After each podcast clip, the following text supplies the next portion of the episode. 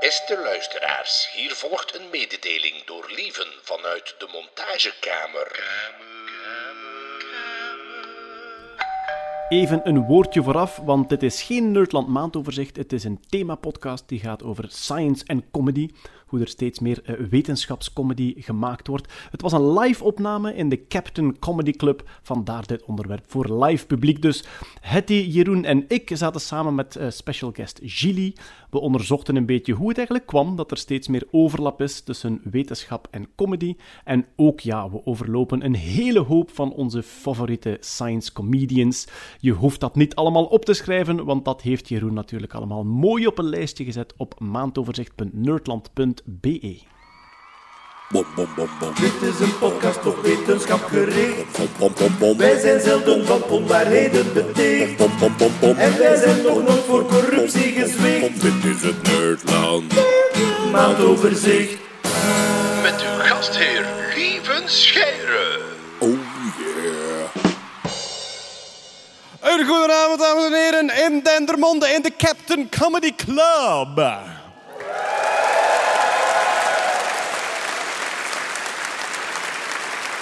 Inderdaad, we zitten hier voor een live podcast. De hoeveelste zou het zijn? De vierde, vierde of vijfde? Misschien de, de eerste. laatste. Ja. De eerste die opgenomen wordt, waarschijnlijk. Ja, wel, wel, we, hebben, we hebben deze keer wel op rek geduwd, denken we. Eh, dit is geen maandoverzicht. We gaan niet terugkijken op het wetenschapsnieuws van de voorbije maand. Het is een thema-podcast. We zitten in een comedyclub. Dus dachten we, we gaan eens op zoek naar de link tussen wetenschap en comedy. Omdat er de, eigenlijk de voorbije 20 jaar, ik moet eigenlijk 30 jaar zeggen, want ik zie dat de Ig Nobelprijzen al van 91 bestaan. De voorbije 30 jaar is zo die link tussen wetenschap en comedy. Laat ons zeggen, in het Venn-diagram is er een groeiende deelverzameling. Er is ergens zo'n soort science comedy genre ontstaan. En wat gaan wij doen? Wij gaan er een beetje over praten. Wij gaan, ons, eh, wij gaan heel veel voorbeelden geven. Dus de show notes worden echt lang. En te laat. Ja. Dus de show notes worden lang met heel veel tips van dit zijn goede science comedians, boeken, podcast, cartoonist. Eigenlijk echt iets wat we voor de lockdown hadden moeten doen. Is dit? Maar dat weet je altijd pas achteraf. En we gaan ons ook een beetje afvragen van hoe komt dat? Hè? Waarom, waarom is er blijkbaar een soort affiniteit, een soort raakvlak tussen comedy en wetenschap ontstaan? Maar wie zit er hier bij mij? Natuurlijk zit Jeroen Baert erbij. Yay! Wie is er nog bij? Hetty Helsbordel. Dag.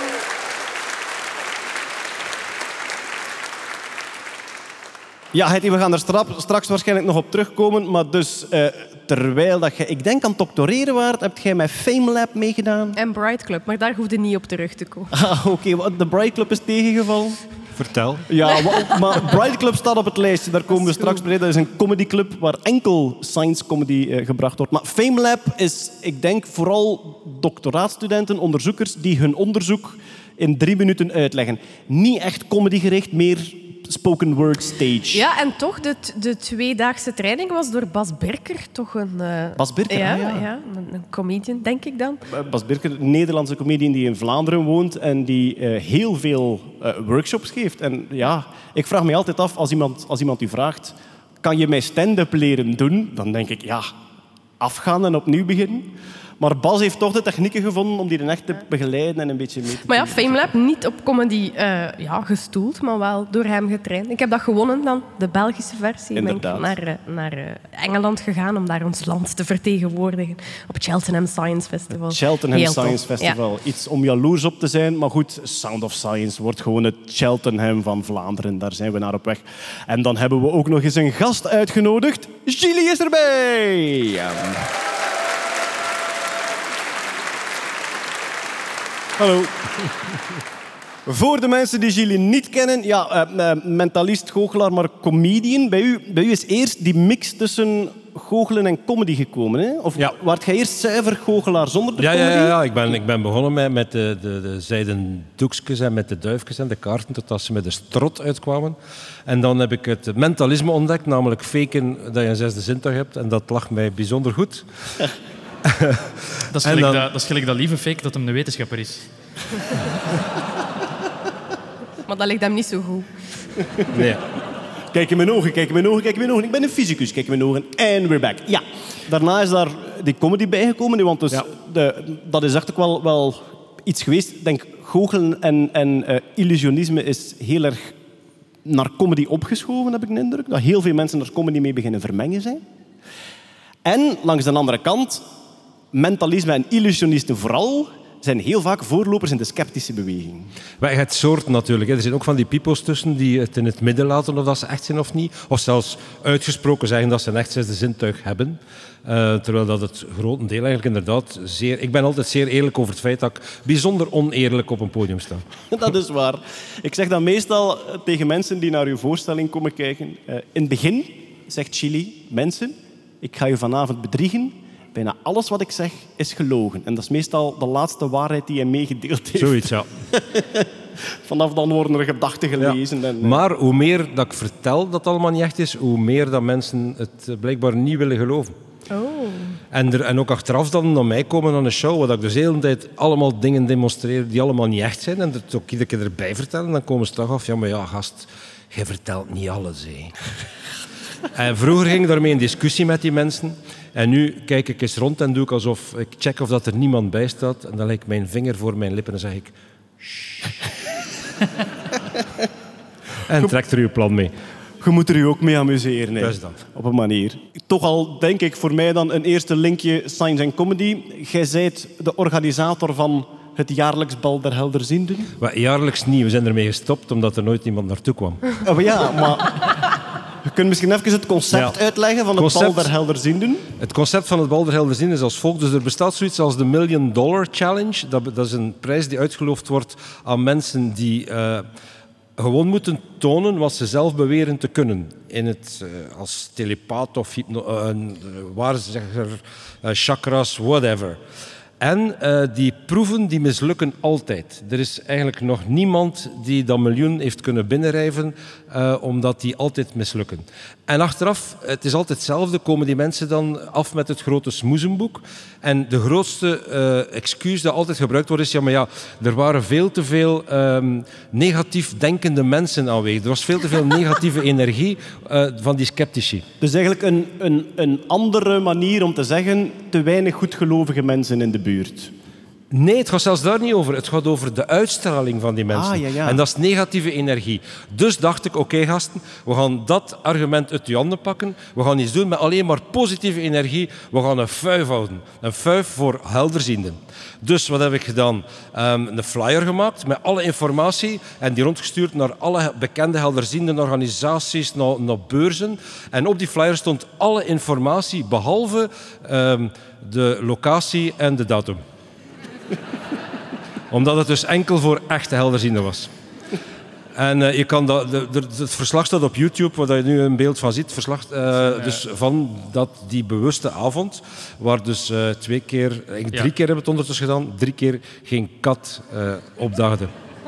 Wat we wel gehad hebben, is de makers van... Dat was eigenlijk echt lachen met het programma Het Zesde Zintuig.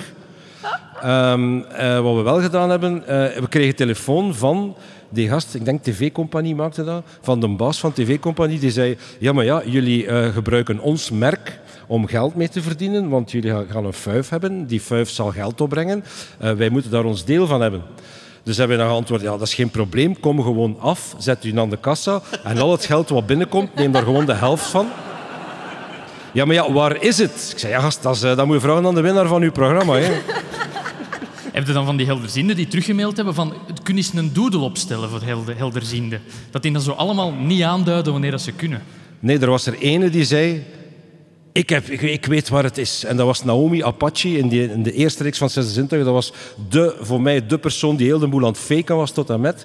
Eh, en die belde plots, want die had dan via tv-compagnie, via het IP-adres van de website dat we gemaakt hadden ook ervoor, dus achterhaald. Ja, ik weet waar het is, ik weet waar het is. Dan zei oké, super, kom af. Jij krijgt de prijs van helderziende van het jaar. Ja, maar waar is het? Zoek het. Maar er waren dus effectief mensen die zeiden, wij komen af. Ja, ja, ja, ja, maar ja, maar... Maar wat denkt u dan? Zijn ze dan aan het bespioneren of gaan ze u dan Wij hoopten dat dat ging gebeuren. Oké. Eh, want zelfs, de- het, het lag eigenlijk redelijk voor de hand in het uh, Bal der Helderzienden hier in België. We hebben het in Nederland ook gedaan. In België ging het door in de Place Magique. Dus allee, ja, je kunt het niet beter weggeven. In Amsterdam ging het door op de magische boot. De boot waar dat er goochelshows gedaan worden. Maar geen kat die dat vond, ja. Ik weet het ook niet, ja. Te veel negatieve energie. Ik denk, ja, nee, Ja. het was allemaal positief, lieve. lieve ja. maar, Nu, ik denk zo de, de eerste comedians ehm, die, die een beetje wetenschap in hun show verwerkten, dat was meestal sceptisch. Dat ging meestal over, en dan denk ik aan ja, Bill Hicks. heeft hele stukken over creationisten dan. Hè. Zijn discussies met creationisten. heeft dat heel bekend stuk eh, dat hij aan het discussiëren is met een creationist die zegt de aarde is 16.000 jaar oud en dat hij zegt, oké, I've got one question for you. Dinosaurs. En de creationist antwoordt, yeah, God put them there to test our fate.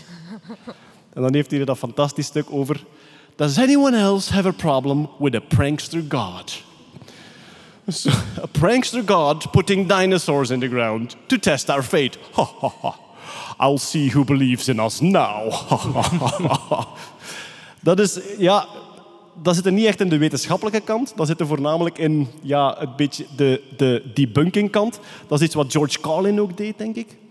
Nu zijn we wel heel oude comedians aan het opnoemen. Dat is dan, dat is dan eh, mensen die herontdekt kunnen worden. Ehm, maar Randy is de bekendste, denk ik. Nu, is Randy een comedian? Dat is misschien moeilijk. nee, James, Wan. Randy was de Amazing Randy.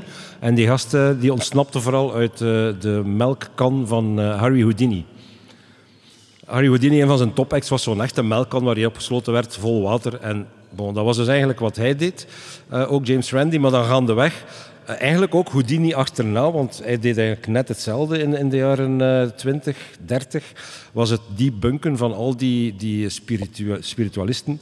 Ehm, en Randy heeft, eh, heeft al wat kapitaal verhaald en inderdaad daar een prijs van een miljoen dollar opgezet. Die prijs is gelanceerd ergens eind jaren 70 en werd twee, drie jaar geleden teruggetrokken omdat er eigenlijk nooit iemand eh, erin slaagde eh, om onder wetenschappelijk gecontroleerde omstandigheden diezelfde stunts na te doen. En een van de bekendste daarom was eh, Derek Ogilvy, de babyfluisteraar enkele jaren geleden op VTM en op, eh, op, in Nederland. En die heeft het gewaagd, kijk, we zien hier beelden van die test, die heeft het gewaagd om toch nog eens te doen, waarschijnlijk met in het achterhoofd van ofwel lukt het en dan is het voor mij kassa kassa, ofwel lukt het niet, want dan is het de schuld van die anderen. En dat is ook hetgeen dat hij effectief, eh, je kunt het opzoeken, eh, Derek Ogilvy cries like a baby, waar dat zit te blijden van, no, but I'm real, I'm genuine, Die, I'm eh, not a wat- wat liar, bla bla bla. En Die, blijden, die twee pixels daar, dat is Derek Ogilvy. Ja. Eh, er zijn geen betere filmpjes beschikbaar. En wat die- was zijn de- bedoeling? De man met de baard is James Randy. Wel, wat dat je- wat dat- het, het vaste stramien bij, bij, bij eh, Randy was eigenlijk... Hij was zelf illusionist, dus hij kende alle trucken. En als hij iemand iets zag doen, had hij heel snel door... Oké, dat is uw techniek. En dan kon hij eigenlijk aan die persoon voorstellen... Als jij beweert dat het dat trucje niet is, dan moet het onder deze omstandigheden ook lukken. Ehm, eh, ik herinner mij ene, dat was iemand die het blad van een boek... Ja, ik denk Ja. de- deze man, de man aan ding, linkerkant, beweert dat hij Ja. telepathisch objecten kan bewegen. Ehm, en ik zal even doorspoelen. En James Randi zegt dan van oké, laat ons er een scherm tussen plaatsen. Of eh daarmee Nee, die, de- die Isomo, zo'n kleine Isomo-brokjes Ja. dat erbij legt. Dus die man kijkt naar een boek en die kan het blad van dat boek omhoog laten komen. Dat ziet er echt fantastisch uit als ze dat doet. En Randy had vrij snel door, die heeft een blaastechniek. Heel stiekeme blaastechniek door zijn neus, of ik denk zelfs door zijn ooglid of zo. Gewoon, nee, gewoon als je even aan je lippen likt, dan kan je geruisloos blazen. Ah. En iedereen kijkt naar dat blad en niet naar je mond. Ja. En dus James Randy dacht, jij doet dat al blazend, dus als ik hier Isomo-bolletjes rondleg, dan gaan die volgens u niet bewegen. En voilà, kijk, wat gebeurde er? Er was toch wel niet te meer. veel negatieve energie in de zaal, zeker. Ja. En het lukte weer helemaal niet. Ja. Maar Het was- ligt, ook aan, het ligt ook aan de lichten. Hij zegt ook van ja, nee, nee, nu is het licht niet goed op een bepaald moment.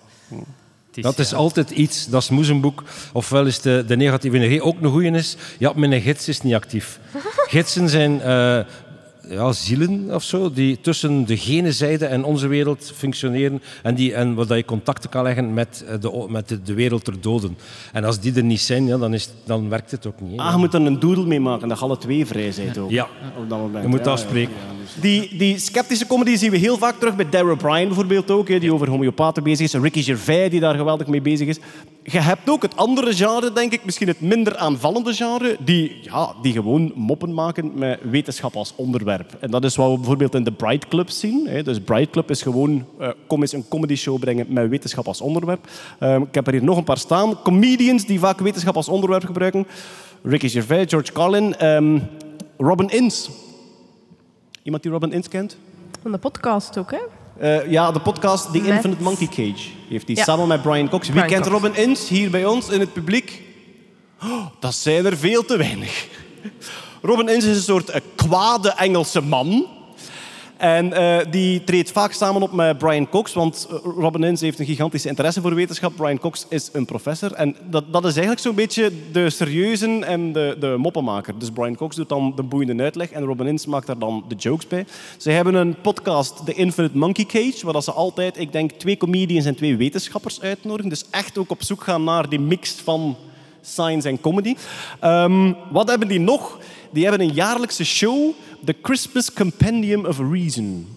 En die is fantastisch. Dan, die huren de Apollo af in, In Londen, hè, Dat is ja. Gigantisch. Een paar duizend man zit daar. En ze zeggen niet wie er komt. En die is alle jaren opnieuw uitverkocht. En dat lijkt een beetje op uw comedy-marathon, Julie. hè. Je hebt zo'n comedy-marathon waar dat je gewoon comedians uitnodigt om korte stukjes te doen en alles gaat naar het goede doel. Bij hen is dat ook. Zij nodigen, iedereen wil daar spelen, dus zij nodigen geweldig veel volk uit. En dan, ja, dan staan daar opeens eh, topcomieken die je niet verwacht. Eddie Izzard duikt daar dan opeens op. En eh, op een bepaald moment stond Chris, Chris Hadfield daar ook. Hè. Dus de astronaut die duikt daar dan ook op. Komen de grote namen in de wetenschap, Nobelprijswinnaars en comedians mixen zich daar samen. Dat is iets wat... je- Ja, ik ben er ene keer geweest, dat was fantastisch. Dat is iets waar je wel naartoe kunt proberen gaan. Maar je moet op tijd zijn. Ja. En om begrijpelijke redenen is dat ding natuurlijk nu ook al twee jaar niet doorgegaan. Wat heb ik nog staan? Festival of the Spoken Nerd. Die kende wel? Ja. Festival of the Spoken Nerd zijn een, een, ehm, een wiskundige en twee fysici. Matt Parker is de wiskundige en dan eh, Steve Mold is de, de fysicus eh, en Helen, Helen Arney ook. En die doen eigenlijk een, ja, die doen echt een soort sketchachtige show. Ik vind dat een heel tof concept, omdat zij doen niet enkel comedy sketches, maar ook heel veel demo's. Ja. Heel veel toffe demo's, bepaalde demo's die zij zelf uitgevonden hebben. Eh, ik weet niet of iemand ooit dat trucje gezien heeft als je een badketting, zo'n hele lange kraaltjesketting waar dat de stop van je bad aan vasthangt, als je die uit een kom gooit, dan komt die zo in een verhoogstje omhoog. Er komt een soort gek slangetje omhoog. Dus die heeft dat ontdekt en dat in een science demo aan het ontwerpen was voor die Festival of the Spoken Nerd. En daarna is dat zo'n dingetje geworden. En het beste was, niemand snapte hoe dat kwam. Er waren allerlei theorieën over en dat is drie jaar lang bestudeerd. Tot de fysica-afdeling van Harvard het antwoord gevonden heeft. Zijn eigenlijk die bolletjes, daar zitten staafjes tussen. En als één bolletje omhoog getrokken wordt door ja, een beetje het massamiddelpunt, wordt dat andere bolletje naar beneden getikt. En dat geeft hem de impuls om omhoog te gaan. En dat heet nu officieel de mold-effect. Dus je kunt als comedian, door onnozel te doen, een soort fysisch effect naar je genoemd krijgen. Maar de Festival of the Spoken Nerd hebben ook een heerlijk eh, conceptje en dat heet An Evening of Unnecessary Detail. Dus wat is het concept? Zij merkten, zij brengen een science show voor een breed publiek. Dus je mag af en toe niet te diep in detail gaan, want dan vinden de mensen dat saai en er moet nog een keer iets ontploffen. Toen dachten ze, ja maar ja, ons eigen core publiek, het echte nerdpubliek, die hebben niet liever dan details. Dus één avond in Londen doen ze de, eh, de Evening of Unnecessary Detail. En dan mogen alle wetenschappers hun onderzoek komen uitleggen in unnecessary detail. Ik ben er één keer geweest, ze nemen dat vrij letterlijk. Dus dat kun je echt kun je dan eens kijken. Ik heb daar iemand een lezing zien geven over het foutje, het foutje dat in de allereerste ehm, Donkey Kong zat, denk ik. Ja, is het die fout die ze kunnen eh, uitbuiten om opeens een paar levels verder te skippen? Of... Er is, er is ergens een moment in Donkey Kong dat je eh, de boel in de war kunt sturen, omdat er allerlei fruitjes opeens verschijnen op je, op je bord. En dus, die staat daar met Parker komt op, maar het staat in zijn boek, het staat in zijn boek ehm, over, over wiskundefouten. Zijn laatste boek. Humble pie. De Humble Pie, dat is het, ja. In Humble Pie staat heel dat stuk beschreven. Dus ze programmeren Donkey Kong en ze maken ergens een foutje. En Matt Parker komt op voor dat hardcore nerd publiek en die vraagt... Does anybody know At what level things went wrong at Donkey Kong? En driekwart van die zaal roept 256. Dus dan weten, oké, we zitten bij het echte. Veel, veelvoud van twee. Eh, Ja, er, was ook, er was ook onlangs, een, eh, om, om in de sfeer te blijven en om mensen er toch aan te herinneren dat we nog altijd corona hebben. Ga ik een voorbeeldje van corona geven. Er was een database in, de, eh, in het Verenigd Koninkrijk die werd bijgehouden van testen die waren afgelegd. En die kon maar het maximum aantal lijnen in een Excel aan. Wat dat ook zo gelijk 31.000 in Eclipse is, bijna twee tot de zoveelste. En dat was, dat was van alles mee misgelopen, omdat iemand had gedacht van oké, we gaan dat in een Excel steken en Excel is eindig. Ik heb nog één comedian staan op mijn lijstje die ik onder de science comedians reken. Dat is Tim Minchin. Wie kent Tim Minchin hier bij ons? Ah, nog een paar ook. Tim Minchin, ja. Minchin is een Australische comedian. Is ooit begonnen als stand-up comedian en dat lukte niet echt goed. Maar hij schreef ook ontroerende singer-songwriter liedjes en dat lukte ook niet zo goed. En dan heeft hij die gecombineerd en is hij comedy liedjes beginnen schrijven. En dat doet hij eigenlijk beter dan wie ook, vind ik zelf. Ehm, ik vind het genre van comedyliedjes geweldig frustrerend. De meeste comedy songs nemen één ideetje en herhalen dat dan 300 keer. Dat is meestal een comedy song. Je hebt zo ergens een grappig lijntje en zowel uw refrein als gelijk wat gaat erover. Bij hem is dat anders. Die, die schrijft heel goed, die is heel clever. Zit ook geweldig in die sceptische beweging. Ik zou zeggen, eh, beginnen met Tim Minchin. Eh, zijn grootste hit gaat over zijn vrouw. Is een liefdeslied voor zijn vrouw. Ehm, het- refrein gaat, eh, if I did, het heet If I Didn't Have You. En in het refrein zingt hij, If I didn't have you, I'd probably have somebody else. En dan gaat hij over gewoon de mogelijkheden van... eh, ja, stel dat mijn ex-lief mij net niet gedumpt had omdat ik gemaild had met de die op die vijf en ik kwam u daar niet tegen, dan hadden we waarschijnlijk ergens anders elkaar. Dus hij gaat daar helemaal eh, over. En enfin, het is een prachtig nummer. Er zitten zinnen in als... I don't think you're special. I mean, I think you're special, but you fit within a bell curve. Maar eigenlijk zouden we zo Valentijnskaartjes moeten maken, hè? Ik vind je redelijk speciaal, maar je past nog binnen de Gauss-curve. Ja. Ergens- je bent heel knap, maar alles is relatief. Groetjes, Albert. nerdromantiek. Hij heeft ook een fantastisch nummer dat, eh, dat ik u ook wil aanraden. En dat heet Storm. Is een van zijn bekendste. eh, Storm, daar bezingt hij een avond waar hij bij vrienden gaat dineren. En er is een eh, kennis van die vrienden ook op bezoek. En zij heet Storm en zij is prachtig mooi en ze heeft paars haar. Maar ze begint gigantische hippie shit uit te kramen. Herkenbaar. En, ja, dat is echt een topnummer. Met, zij begint dan over alternative medicine. En daar placeert Tim Minchin deze one-liner. Alternative medicine, by definition, has either not been proven to work or been proven not to work. What do they call alternative medicine that's been proven to work? Medicine. en heel dat nummer gaat daarover. Een, een, een hele goeie.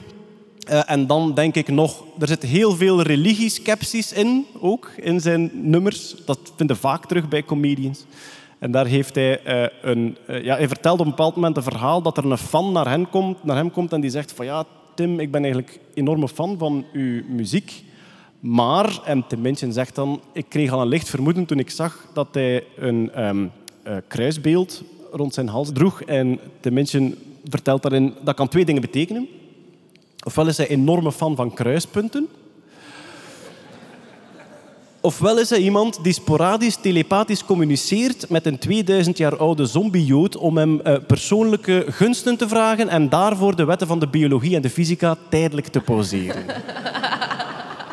Er zijn er twee mogelijkheden. Ehm, en die fan van hem die komt naar Minchin en zegt van ja, je bent altijd zo sceptisch over religie, maar ik heb bewijs gehad van het bestaan van God. Want mijn moeder had cataract en de specialisten zeiden dat hij niet kon genezen. En ze is naar haar kerkgemeenschap gegaan. Ze hebben allemaal samen gebeden en zij is genezen. En hij, hij zegt van ja, oké, I stand corrected. Eh, ik heb nu eindelijk het bewijs. Eh, iemand is genezen van cataract. En dan zingt hij het heerlijk swingende nummer Thank you God for fixing the cataract of Sam's mom. Now I understand how praying works, a particular prayer in a particular church. En dan helemaal tot en uiteindelijk gaat hij eh, al het leed in Afrika negeren en één middle-class white bitch haar oog genezen. Dat is een beetje... het concept van dat nummer, maar het swingt als een tiet. Fantastisch nummer. Ehm, en dan minder, minder in de wetenschappelijke sfeer bij Tim Minchin is Lullaby. Hij zingt voor zijn kindje dat niet in slaap wil vallen. En misschien moet ik er niet te veel van verraden. Hij, hij, zingt eh, Sleep Little Baby, Don't Say a Word. En hij wordt eigenlijk altijd maar kwader. Tot uiteindelijk...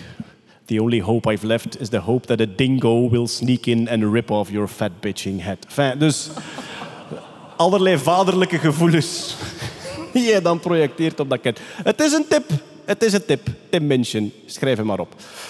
Goed, dat waren enkele science comedians. Wat hadden we hier nog staan? Eh, cartoonisten. Redelijk wat science cartoons tegenwoordig. Ja, Enige favorieten?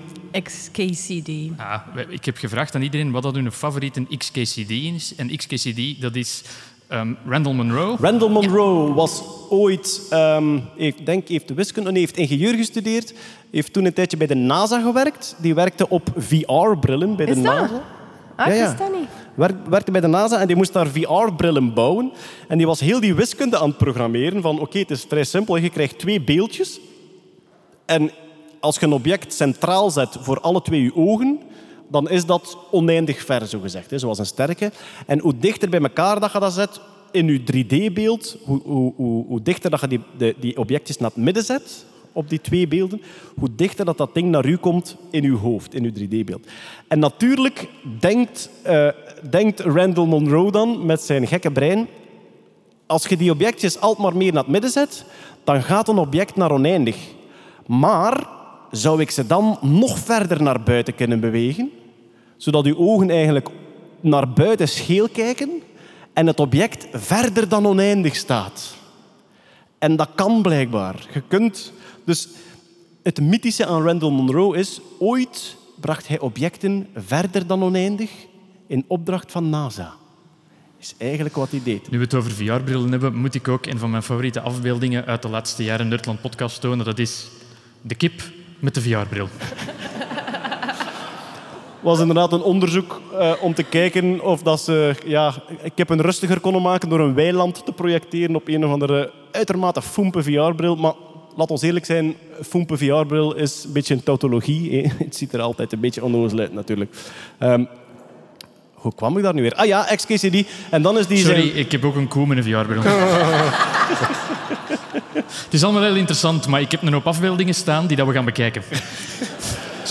Je hebt die mee en ze moeten op. Ja. Nee, ik had, omdat we over XKCD bezig waren, lieve, ik denk dat jij onlangs je liefde voor deze cartoon hebt, eh, hebt verklaard. Ah ja, van een, XKCD. een van zijn poëtische cartoons. Hè. Hij, hij, doet, hij, hij doet heel vaak echt eh, goede comedy. Hij doet af en toe ook een beetje poëtischer. ehm, eh, een fysica-cartoon. Een jongen en een meisje samen in een romantische slaapkamer.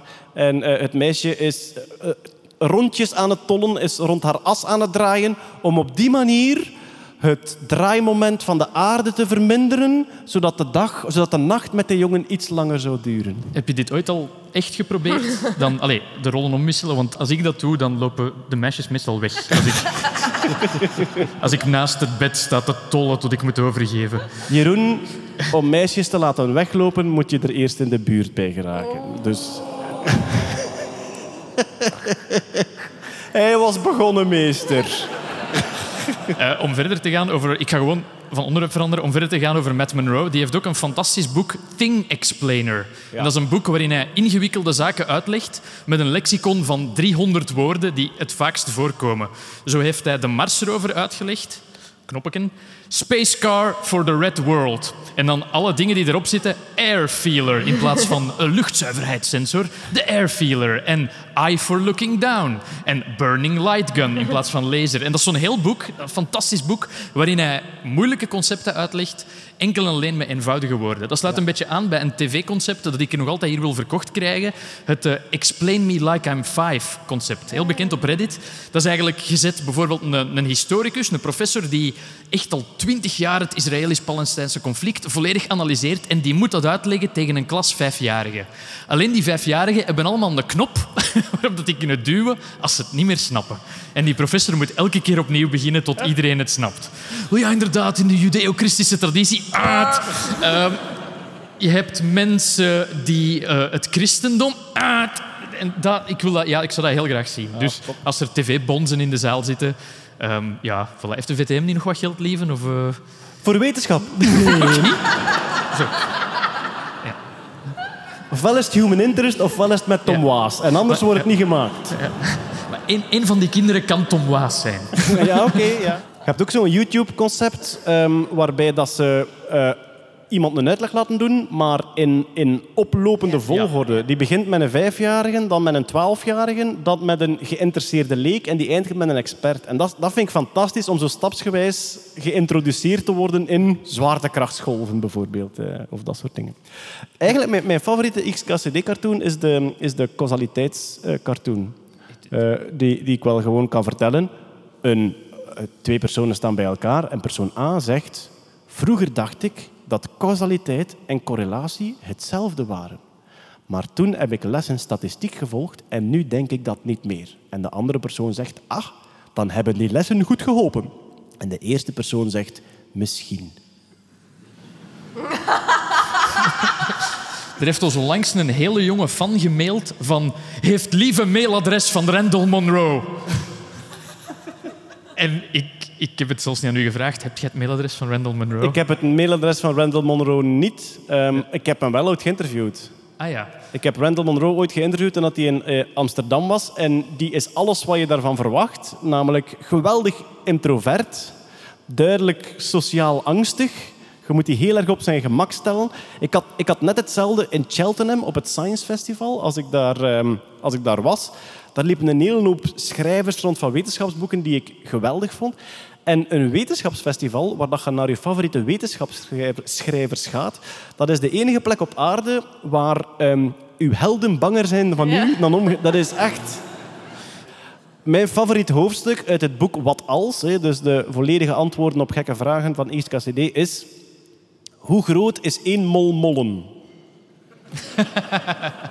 dus een mol, hè, het getal van Avogadro... Wacht, hè, help. 6,023 maal 10 tot de 23. Maal 10 tot de 23. Ik mis mij altijd in die 10 tot Daar de hoort een klein 23. applausje bij, Hetty. Ja, hier. Het die Avogadro. Het die Avogadro. Ja. Avogadro. En dus, wat gebeurt er als je 6 maal 10 tot de 23ste mollen, het zoogdier, dan op elkaar stapelt? Wat blijkt? Het is toevallig ongeveer de grootte van de maan. Ja. En dan rekent hij uit ook ehm, tot hoe diep de mollen kunnen overleven, want de druk bouwt op. Hè. Dus de, de mollen aan de buitenkant die leven nog. En dan als je ze een beetje dieper gaat, dan zijn ze wat door elkaar aan het kronkelen. En dan na een tijdje worden ze moes. Mollenmoes. En dan, Hier ja, voilà, hier zien we de Hier je de tekening. berekening. Dus je hebt de mantel van de planeet, de korst. Mount Everest zou zo hoog zijn en de laag mollen die erop moet om aan een mol mollen te komen, Ja. is dat. Dus dat, dat, is als je, dat is als je één mol mollen over de aarde verdeelt. Dan staan die dus, ja, wat is het, denk 30, 40 kilometer hoog. En hier zien we de afbeelding van één mol mollen als hemellichaam. Dus ongeveer de grootte van de maan. En iets lager begint hij dan te berekenen van hoe diep dat ze tot moest zijn, hoe heet het wordt in, het, in de kern van de mollenmaan en vanaf welk punt dat ze beginnen verstenen en andere gedaantes aan. Dus eigenlijk mollengeologie eh, in een boekje dat hij daar Je geschreven. hebt zo vaak dat je partner vraagt waaraan zij het gaan denken. Volgens mij was Randall, mag Randall Monroe daar echt niet op antwoorden op zo'n moment. Zo romantisch voor de tv of in Parijs bij de Eiffeltoren. Waaraan zij het gaan, zij het gaan denken. Ja, hoe dik zou ik die mollenlaag nu maken?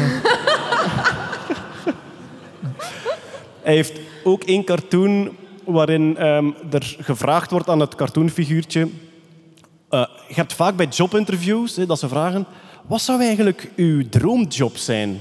En hij denkt even na en hij geeft een of ander gek antwoord als: Goh, ik denk een voormiddag Minecraft spelen, dan iets drinken met goede vrienden en dan s'avonds zo de pluis uit de, ehm, de, pluis uit de wasdrogerfilter halen. Zo, hè?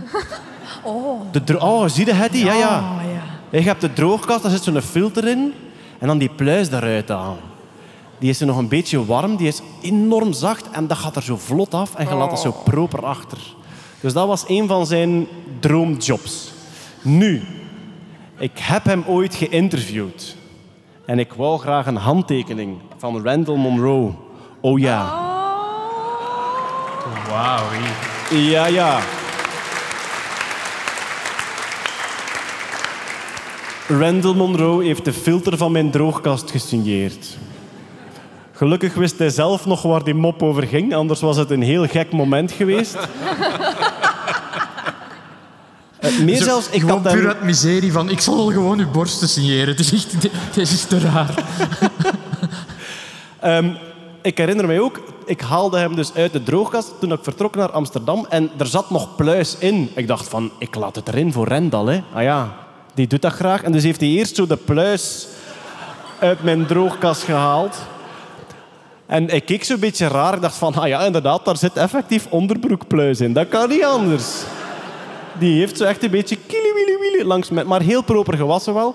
En dus dat is dat propje dat erin zit. Dat is dus pluis door Randall Monroe samengeraapt en dan heeft hij dat gesigneerd. En eh, toen kwam ik thuis en toen konden wij ons droogkast niet meer gebruiken.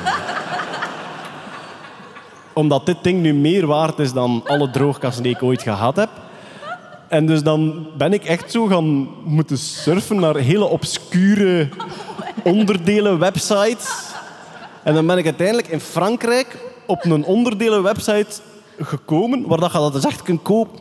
Dus je kunt de pluisfilter van je droogkast apart kopen op die website. En dan twee weken later is die bij ons thuis toegekomen en heeft die mijn huwelijk gered eigenlijk, die, eh, die filter. Die Randall Monroe moet er echt gestaan hebben van dit zal wel zo'n make-a-wish kindje zijn of zo. We gaan gewoon... Ik snap het niet, maar gewoon glimlachen. Heb jij een favoriete XKCD-cartoon hierin? Ja, mijn favoriete XKCD is die over het... eh, ik, zal- ik zal hem weer meteen... Je overvalt mij ermee. Ik zal hem weer meteen op het scherm toveren. Het is die over stemsoftware. Het, er gaan regelmatig stemmen op van... hey, laat, ons, eh, laat ons gewoon elektronisch stemmen. Dat kan nog allemaal via een app en zo. En ze interviewen een, eh, een software-ingenieur. Nee, ze interviewen eerst een hoop mensen. Airplane-ingenieur. Ja, de vliegtuigen die zijn zo hard gecheckt. Dat is superveilig. We vertrouwen de wetenschap. Mensen die, eh, die liften maken ondertje check, we vertrouwen de wetenschap. Maar dan aan een software-ingenieur vragen wat als we elektronisch zouden stemmen, gelooft niemand die zegt dat dat veilig was. Software, en dan zeggen ze van, ja, maar we hebben software die op de blockchain werkt. En die, die, die ingenieur zegt eigenlijk van, ah, wat als ze ook beweren, begraaf het in de woestijn.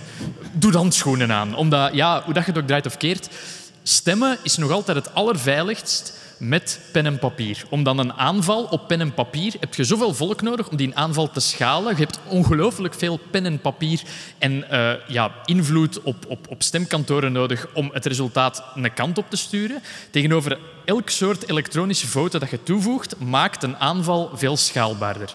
Dat is eigenlijk waar die, die cartoon een beetje over gaat.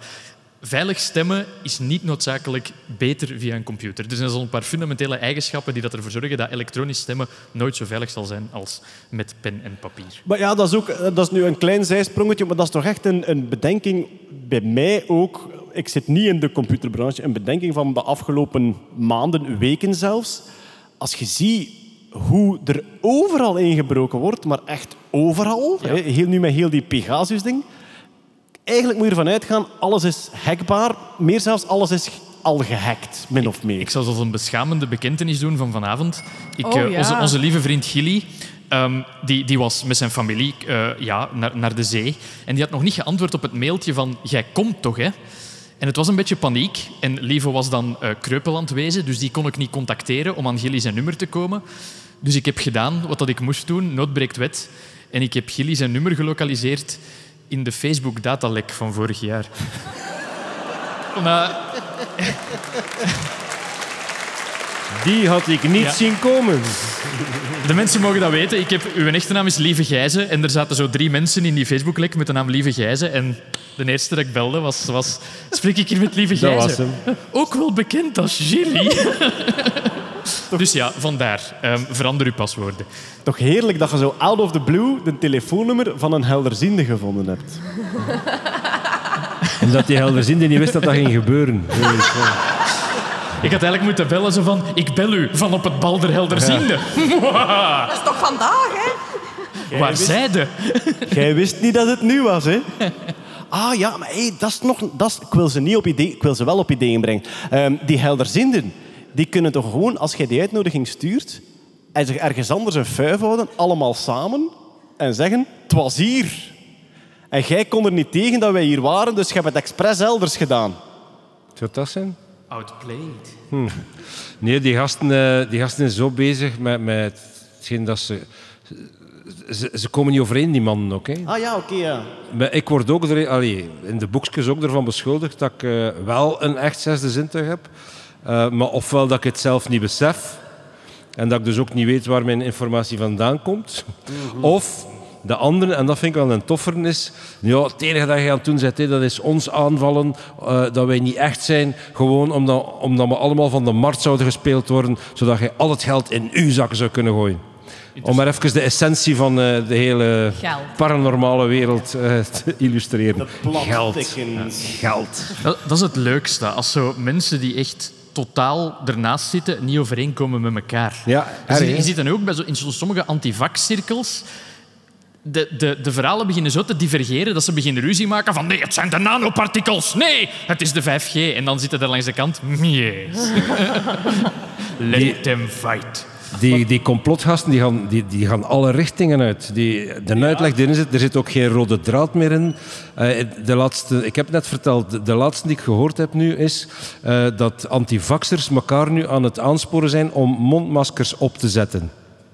Terwijl dat ze dus al maanden niet anders doen dan eh, protesteren tegen die mondmaskers. Om de eenvoudige reden dat er iemand gevonden heeft en dat gepubliceerd heeft op het wetenschappelijke site eh, Facebook.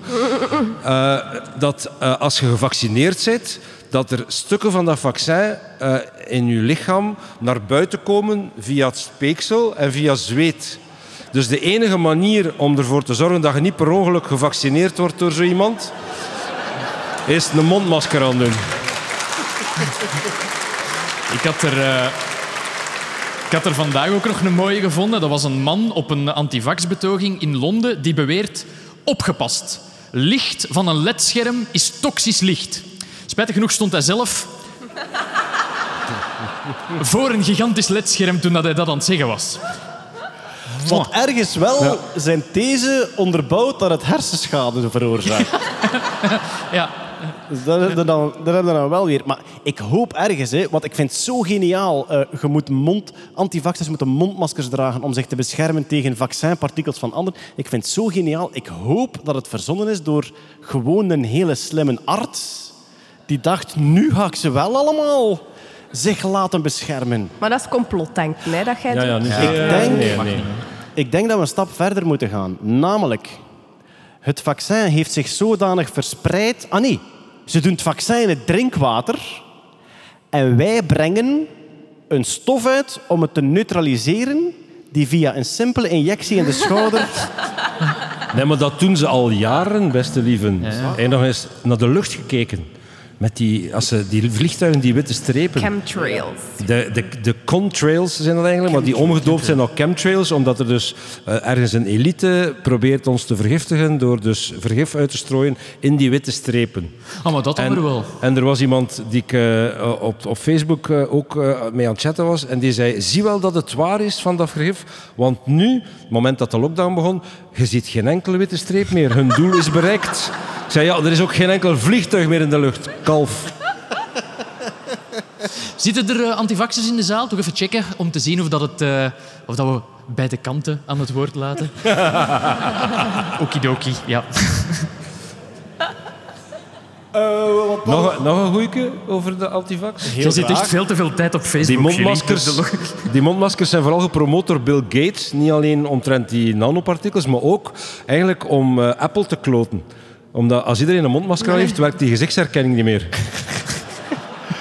Dat is toch, allee, we weten sinds de voorbije maand dat miljonairs, miljardairs elkaar nogal kleuterachtig kunnen kloten. Dat weten we. Ja.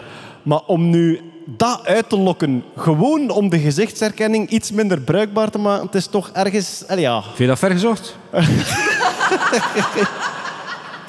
kostenbaten, kostenbaten. Goed. ehm, ik was hier even aan het nadenken toen dat het onderwerp beslist werd, hoe dat ik zelf eigenlijk die combinatie beginnen maken ben. Want ik ben natuurkunde gaan studeren en dan tijdens mijn studententijd stand-up comedy beginnen spelen. In het begin waren die compleet gescheiden.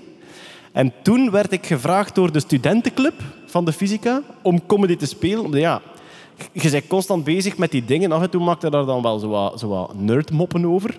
Zoals deze. Wacht hoor, hier komt hij. Nerd, nerdmop. Hè. Dus terwijl dat je cursus aan het studeren bent.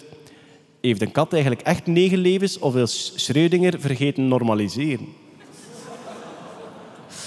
Een paar fysici, een paar fysici en al de rest. Nee, lieve nee. Ga je kwantumjas halen. Eh, en dan, daarna heb ik zuivere stand-up gespeeld zonder dat er iets van wetenschap bij zat. En de eerste keer dat ik terug science comedy speelde was in CERN, zowaar. In CERN organiseerden ze... Want ja, CERN, de deeltjesversneller in, in Genève, dat is een, dat is een dorp. Hè. Daar, dat zijn een paar duizend mensen die daar wonen en werken. Die hebben hobbyclubs. Die hebben een petankeclub. Vind ik zo cool. Dat deeltjesfysici gaan petanken. Vind ik echt cool.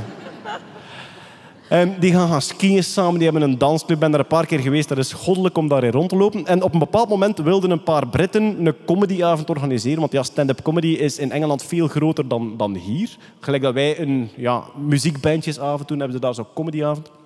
En dus ze zochten naar wetenschappers die ook stand-up speelden. En er waren een paar Belgen die daar werkten. Die zeiden van, ah, wij hebben er een. Dus dan eh, ben ik naar CERN gegaan voor de allereerste... Hoe heet het nu weer? LHC in the Dark Comedy Night. was ook mijn allereerste comedy in het Engels. Mijn stopwoordje was yes. en ik gebruikte het twee keer per zin. Het staat nog op YouTube. Het is echt geweldig irritant om jezelf constant yes te horen zeggen. Voor mij was dat een heerlijke avond, want al die nerdmoppen kunnen dan zo voor het eerst spelen voor dat publiek dat daar zit. Ehm, en toen heb ik ook ontdekt dat CERN dat dat eigenlijk best een jolige plek is. Ze hebben daar ehm, tussen al die gebouwen staat er ergens een houten kotteke en dat is het, eh, het opvangasiel voor afgedankte computermuizen. Er staat een foto online en dat is echt zo'n kotteke, daar ligt zo wat stro in en een drinkbakje en een eetbakje. Er liggen dus effectief zo een stuk of twintig computermuisjes in het hooi zo, zo verspreid. En het is effectief iemand zijn taak om het eten en het drinken bij te vullen om de zoveel tijd. Dat dat Bij is- te vullen. Ja, Waar ja. gaat dat dan naartoe? ja, dat water verdampt en dat eten, ja, dat zal door de ratten meegepakt worden. Denk ik. Ah, kijk, we hebben een foto.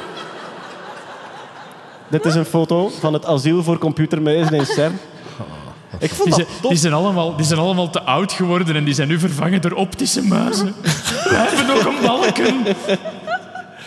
Maar ik vond het echt een openbaring, omdat ja, de proffen waar ik nog les van kreeg, bedoel, de oude generatie proffen, dat soort joligheid zat er absoluut niet in. Hè. Dat was allemaal in het pakken met kostuum en zeer voornaam praten. En je mocht absoluut niet betrapt worden op iets onserieus, want dat ging ten koste... Ja, we hebben nog wat foto's van de website van CERN. En we wisten dat ze in CERN nogal zot zijn van Comic Sans natuurlijk. Ja, dat wisten ze ook. Ja. Ehm, ik liep er ook rond en op, je, hebt er zo, je hebt er een gigantische refter en dan kunnen daar zo frisdrankjes gaan halen. Dan hebben zo al die kraantjes met die frisdrankjes en daar stonden ook allemaal andere eh, labels op. Dat was eh, nu- Neutrino Stream en ehm, eh, Fifth Dimensional Quantum Liquid en zo stond er eigenlijk allemaal ook opgeplakt. En ja, zoals ik zei, die, die proffen van de generatie voor ons, die mochten absoluut niet betrapt worden op dat soort dingen, want dat ging ten koste van uw serieus en uw academische serieus. En die, die een omslag heeft die generatie echt wel gemaakt. Ik denk die koppeling van... eh, in, ik heb zelf ook kort in de academische wereld gezeten. Ik denk dat er een groot eh, verschil zit in dat mensen nu durven tonen... Vaak toont je enkel de gepubliceerde weg. De dingen die blijkbaar van de eerste keer gelukt zijn en toponderzoek zijn. Terwijl dingen die mislukken in wetenschap is op zich heel, heel grappig. We hadden bij, ik heb in de computergraphics groep van de KU Leuven gezeten. Het leukste zijn niet de prentjes die er goed uitzien. Het leukste zijn de absolute rare, ontplofte dingen die dat, die dat er niet uitzien. Van die moet je renders. bij- Van, ja, van, van de Renders dan. Ja, wacht, zal eens zien ik... Dus eh, een computerrender... eh, eh, ik- een een voorbeeld dat, ik- dat, dat voor mij veel verklaard is, als je zo in een animatiefilm een langharig ezeltje ziet rondspringen, die haartjes zijn niet geanimeerd, die zijn gerenderd. Dus ze hebben gewoon daar wat fysica-wetten in gestoken en de computer berekent dan hoe dat die haren op en neer gaan. En je hebt dan prachtige filmpjes van verkeerd gerenderde, waar dat dan de kracht van die haren verkeerd ingesteld staat, dat echt zo'n soort gigantische poedel van een ezel is, die dan zo wat golvend door Ik heb het ooit, ding ooit gaat. een presentatie moeten geven voor eh, Philip Rosedale, de maker van Second Life. En ik dacht die te verkopen. Ja, maar ik heb veel betere software dan u geschreven. In dit fantastische filmpje ga je een gevoxeliseerde mens zien. En daarlangs loopt een tijger. Ik startte mijn programma op en die man kreeg dit te zien. Een, Bevroren. een tijger die door een persoon Ja. wandelt. Ja, en het er zijn bewoog mond. niks en alles hing vast. Maar dat heb ik altijd bijgehouden als een soort van... Ah, een oepsje. En wou wij toen drugs kopen van jou daarna? Nee. Helaas niet. Ik heb hem niet meer gehoord daarna.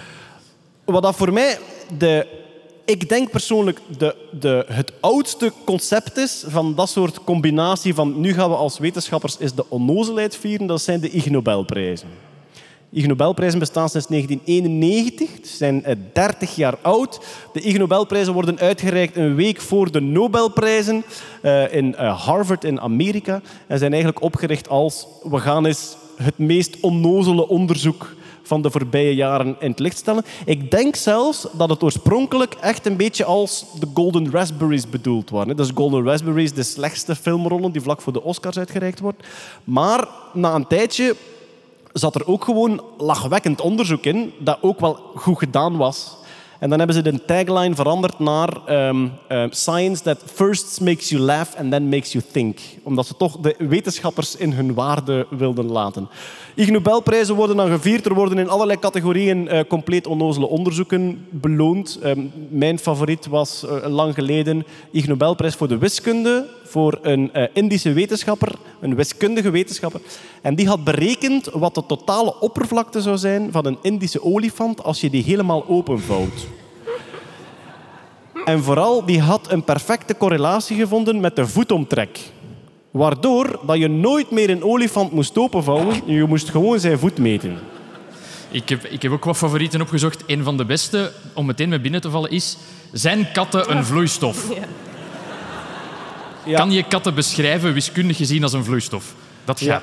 En dat is dus omdat een vloeistof vult het hele volume waar het ingeplaatst wordt. En katten in al hun fluffyheid, die kunnen zo in een doorzichtige vaas zetten en dan vullen die eigenlijk de volledige vaas. Een, een andere die ik geweldig vond is, daarvan ga ik gewoon de grafiek van het resultaat laten zien. De linker testgroep heeft eh, drie maanden didgeridoo gespeeld, de rechter testgroep niet. Het waren alle twee snurkers. En bij de groep die drie maanden lang didgeridoo gespeeld heeft, dit zijn de punten die de partner geeft aan de luidheid van het gesnurk.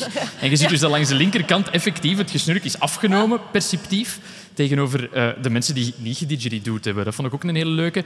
De Geridooen helpt tegen snurken. Ja, Ze reiken ook Ig Nobelprijzen uit voor de vrede bijvoorbeeld. Af en toe zijn ze er creatief in. Er was één Ig Nobelprijs voor de vrede voor, ik denk, Wit-Rusland. Waar eh, iemand gearresteerd werd omdat hij eh, niet applaudisseerde voor de president. De man had één arm.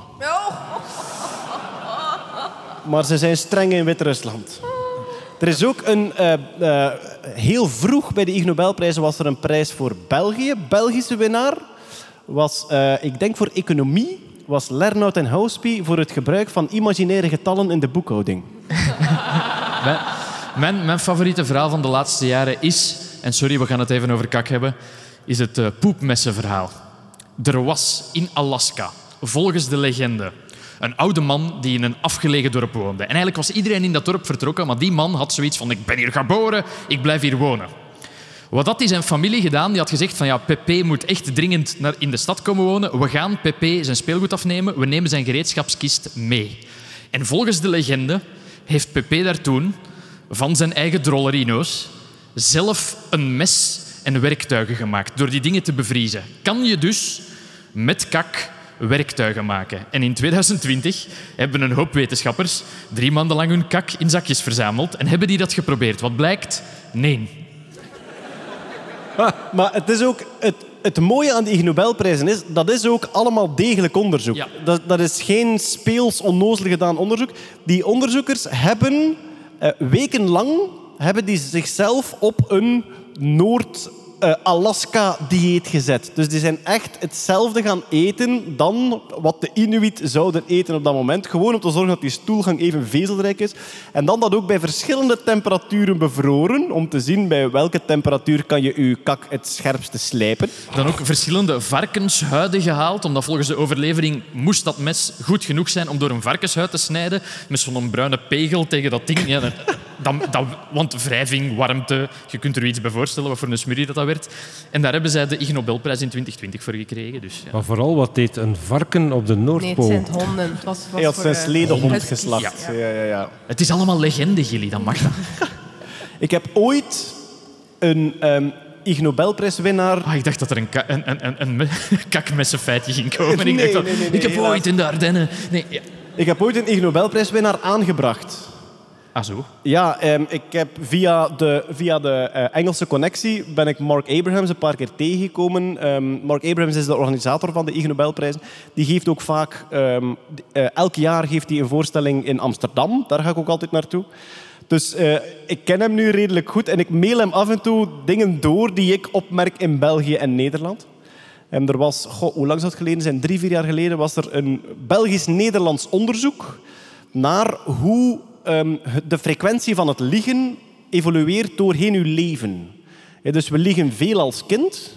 En dan is er een periode dat we minder liegen. En blijkbaar beginnen we dan weer iets meer te liegen, naarmate dat we ouder worden. Maar eh, wel veel efficiënter, omdat we het beter kunnen. En dus die hadden echt zo per geslacht en leeftijdscategorie gaan kijken van hoe vaak liegt u. Maar hun methodiek was dus... Zij wilden achterhalen hoe vaak mensen... eh, hoe vaak leugenaars liegen door het hen te vragen. Dus de methodiek was, ja, eigenlijk vragen aan een leugenaar hoe vaak liegt u en het dan te geloven. En die hebben toen, ik heb dat toen naar Mark Abrams opgestuurd, en die hebben toen de Ig Nobelprijs in de psychologie gekregen. Allee. Ja. They, they get the Ig Nobel Prize in Psychology for asking a thousand liars how often they lied and deciding whether or not to believe their answers. Ik heb in de week een goede sketch gezien van dat, dat probleem met die, met die twee deuren en die, die eh, guards dat erbij staan, waarvan er een altijd liegt en de ene altijd de waarheid zegt. Dat was een sketch van een van die guards die thuis kwam en zijn vrouw vroeg van en hoe was het vandaag bij het bewaken van de twee deuren? Oké. Wat zou de andere wachter zeggen als ik hem zou vragen wat er gebeurd was? dat vond ik heel grappig. Eh, wat ik geweldig vind aan die Ig Nobelprijzen is niet alleen eh, die, die, die prijzen die ze uitreiken, ook dat hele evenement. Dat zijn echt de nerds die buiten mogen. Hè. Dat heel dat theater zit vol. Die hebben een hele hoop tradities. Elke delegatie wordt afgeroepen in het begin en moet zich kenbaar maken door recht te staan en drie keer rond hun as te draaien. Ehm, er zijn twee momenten waarbij er met vliegtuigjes naar het podium gegooid mogen worden. En die vliegtuigjes mogen daarna enkel opgeruimd worden door echte Nobelprijswinnaars. En dat lukt dus elk jaar. Komt er een echte Nobelprijswinnaar de eh, vliegtuigjes wegschuiven. Daar lopen twee levende spots rond. En dat zijn mensen die helemaal in het zilver geschminkt zijn, die met een zaklamp eigenlijk zo'n levende spot lopen zijn. Eén van die twee levende spots is de uitvinder van de 3D-printer. Dus die loopt daar dan gewoon rond. En je hebt de jaarlijkse, het jaarlijkse welcome, welcome en goodbye, goodbye. En dan zoeken ze altijd echt zo een notabele uit de wetenschap. Bijna altijd ook Nobelprijswinnaars. En die komen dan naar de microfoon bij de opening en die zeggen... Welcome, welcome. En dan gaan die weg. En op het einde zeggen die goodbye, goodbye. En dan gaan ze ook weg. En het schoonste vind ik zelf aan de Ig Nobelprijzen is iedereen mag even zijn onderzoek uitleggen, maar natuurlijk duurt dat meestal te lang. Eh, Ze krijgen daar anderhalf minuut voor. En om te zorgen dat er niemand over hun tijd gaat, hebben ze een speciaal personage en dat is eh, Miss Sweetie Poo. En Miss Sweetie Poo is altijd een achtjarige, altijd een dochter van een of andere mede-organiserende prof. Dat is een grote eer om als achtjarig meisje verkozen te worden als Miss Sweetie Poo. En haar functie is, als ze over hun tijd gaan, moet die naar de professor lopen, die, eh, die ehm, haar mouw of zijn mouw vastpakken en zeggen... Please stop, I'm bored. Please stop, I'm bored. En dan moet hij blijven doen tot ze uiteindelijk stoppen. Ah, ja. Dit, dit jaar was het een virtuele ceremonie en ik moet zeggen, er zat iets te veel opera in, lieve. Namelijk meer dan nul. ja, Het was eh, pijnlijk. Mark Abrahams schrijft elk jaar een wetenschapsopera en hij is daar zelf nogal fan van en de meeste andere mensen niet. Maar het is zijn show, het is zijn show, dus hij kan helemaal zelf kiezen. Ig Nobelprijzen, eh, absolute aanrader elk jaar, hopelijk weer intact nu na de zomer. Nog eentje die ik staan had, die nog onnozeler is, is de wedstrijd Dance Your PhD. Dans je doctoraat. En dat zijn dus doctoraatstudenten die effectief through the medium of dance uitleggen wat een doctoraat is. Ik heb er ooit eentje gezien, de winnaar van vijf jaar geleden, die had een doctoraat over het paargedrag van de fruitvlieg. En dan dus effectief zo met dansers en met grote ogen. En de partner gaat op zoek naar de fruitvlieg met de grootste ogen. En Dit jaar was dit de COVID-veilige winner over moleculaire eh, beweging. De Brownse beweging. Ja. Wir benutzen Chemie, Physik und Computer sind Übermaß. Wordt trouwens ook vaak gedaan, zo onnozele rapnummers. Ja. Ehm, CERN heeft er ook eentje, de Large Hadron Collider. Die hebben zo een rap dat ze heel de tunnel afgaan en uitleggen waar het experiment voor dient, eh, a- al rappend. Maar dat is tof. Dit is gewoon slecht. Sorry, het, ik wil ik u wel eens kanker zien dansen. Hè? Allee, ja, kom. Ik ben de enige met een PhD aan tafel leren. Dat is waar. dat is waar. Ik ben bezig aan dat van mij. Ik moet gewoon die tekst nog schrijven. Gilly kan erin toveren. Ja. Of eh, kopen, kopen online. Ehm, wat, wat waren er nog van, van online clipjes? Ah ja, Symphonies of Science. Ik weet niet of je die kent. Symphonies of Science is... Je hebt zo die, die ehm, autotune software dat je stem mee kunt omzetten in... Misschien moeten, moeten we daar... Kun je het geluid daarvan opzetten? Ja, Oké, ik zal eerst uitleggen wat het is. Een nummer Dus- van Cher. Ja, het lijkt, lijkt erop. Ze gebruiken autotune software om heel bekende uitspraken van wetenschappers of presentatoren, eh, wetenschapspresentatoren, om die om te zetten in een melodietje. En dan altijd maar opnieuw te herhalen. Wacht, ze, is dat? Oh, shit. Zeg dan iets, ik op die knop moet duwen, mannen. En je hebt nog een andere, die a cappella science. Daar zullen we straks eens naar kijken. Ik, probeer, ik probeer het... Nee, ik zweet, ik zweet echt gelijk een pedofiel in Plopsaland. Dat is echt niet te doen. Jesus Christ.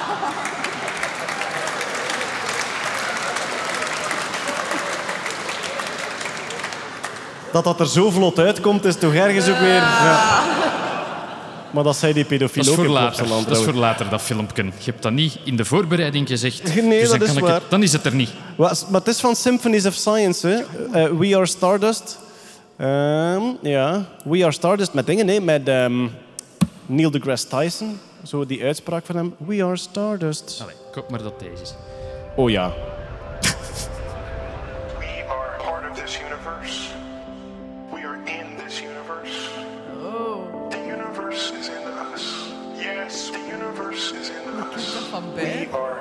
This universe. We are in this universe.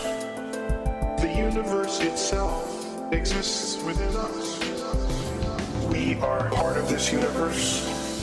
En de rest mag je thuis- thuis bekijken, hè. Het is dus, eh, ja... ehm, Je eh, kunt Neil- in de verte Daft Punk horen rollen in hun graf. Maar het is Neil deGrasse Tyson die bezig is over... Ja, wij bestaan eigenlijk uit geëxplodeerd sterrenstof. De zwaardere elementen op aarde kunnen enkel ontstaan zijn in supernova's lang geleden. En dan ja, zegt hij dus eigenlijk dat hij zich geweldig verbonden voelt met het universum. En zegt, ja, ik ben daar gewoon een, ik ben een, een, een, ehm, ja, een stofklonter van het universum. En dat resulteert in... eh, The universe itself exists within us. Toch ergens ook weer een Ingeborg-nummer op een gekke Ja, manier. ik voel het. Juist, dat- heeft dat niks met drugs te maken? Nee, nee, nee. nee. Je hebt die mens gesproken. We zullen dat er ook even Ja, maar ik- maar Neil en ik, we hebben elkaar wel eens ontmoet. Uiteindelijk, eh, Neil en ik, we zijn buddies. We zijn buddies. Ik ben langzaamaan een beetje de, de Serge Simonaar van de nerdwereld aan het worden. Ja, eh, Neil, eh, Neil komt naar mijn verjaardag. eh, zo, gaat dat, zo gaat dat nu eenmaal. De, de andere die liedjes brengt is A Cappella Science. Die zo bestaande, bestaande nummers... Denk, van Ed Sheeran heeft die... ehm, eh, een, een- ja, een heel Ed Sheeran nummer heeft hij opnieuw gezongen. The Molecular Shape of You. Ja. The Molecular Shape of You. Dus het is het Ed Sheeran nummer, The Shape of You, maar het gaat dan over hoe atomen in moleculen zitten. We gingen deze podcast proberen om rechten vrij te houden. Oh, knop!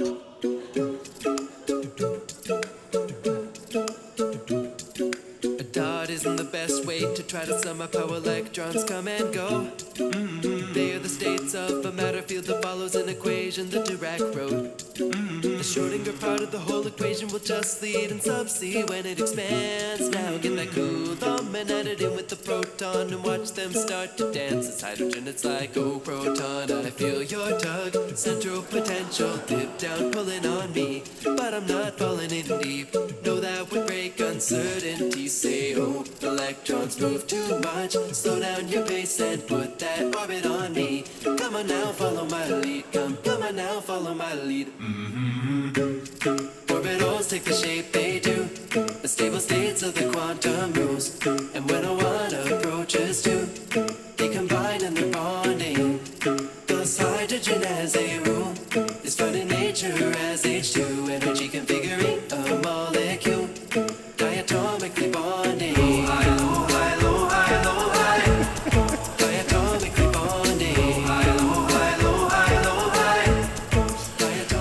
Enzovoort, enzovoort. Eh, ja, ik denk vooral voor de subatomaire fysici hier was dit een zalig momentje.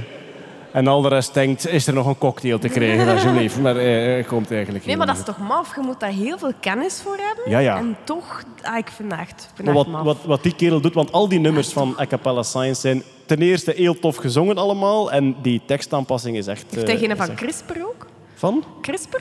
Ik denk het wel Ja, dat hij eentje van CRISPR heeft. Ja, ja, ik denk het wel. Nu, nu dat we het toch over YouTube-kanalen hebben, Ja. ook iets wat heel vaak... Ja, er zijn, er zijn veel eh, zeer grappige YouTube-kanalen over vooral technologie, vooral maker-kanalen eigenlijk. Hè? En ik denk dat Simon Reeves onze favoriete Ja. wel is. Simon Reeves, die er dus in geslaagd is om... eh, ja, dit is... eh, ja, toon, zet, hem maar al, zet hem maar al vol. Simon Reeves is een, een maker, dus die machines uit elkaar haalt om daar nieuwe functies in te steken. En een van zijn frustraties was... Als een Roomba-robot, zo'n stofzuigrobot, als die rondrijdt en die botst ergens tegen, dan vloekt die niet. Dat vond Simon jammer. Dus hij heeft die uit elkaar gehaald en hij heeft daar dus een sensor in gestopt en dan ook een extra dingetje. En elke keer als hij een Roomba dus ergens tegen was, zegt hij... Oh, fuck, damn it, that hurt. En dan rijdt hij verder en ja, botst hij weer ergens anders tegen. Eh, ook weer typisch iets... You barely notice it after a while, huh? Like ignore it, you know, kind of like you know how a you know Roomba cleans your house.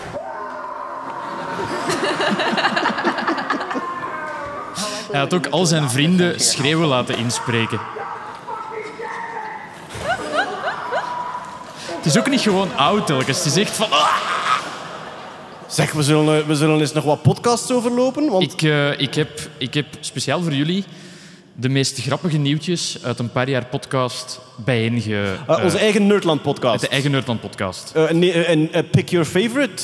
Pick your favorite. Ehm, goh, ik denk dat ik ga moeten gaan voor de Artificial Intelligence camera bij de voetbalmatch.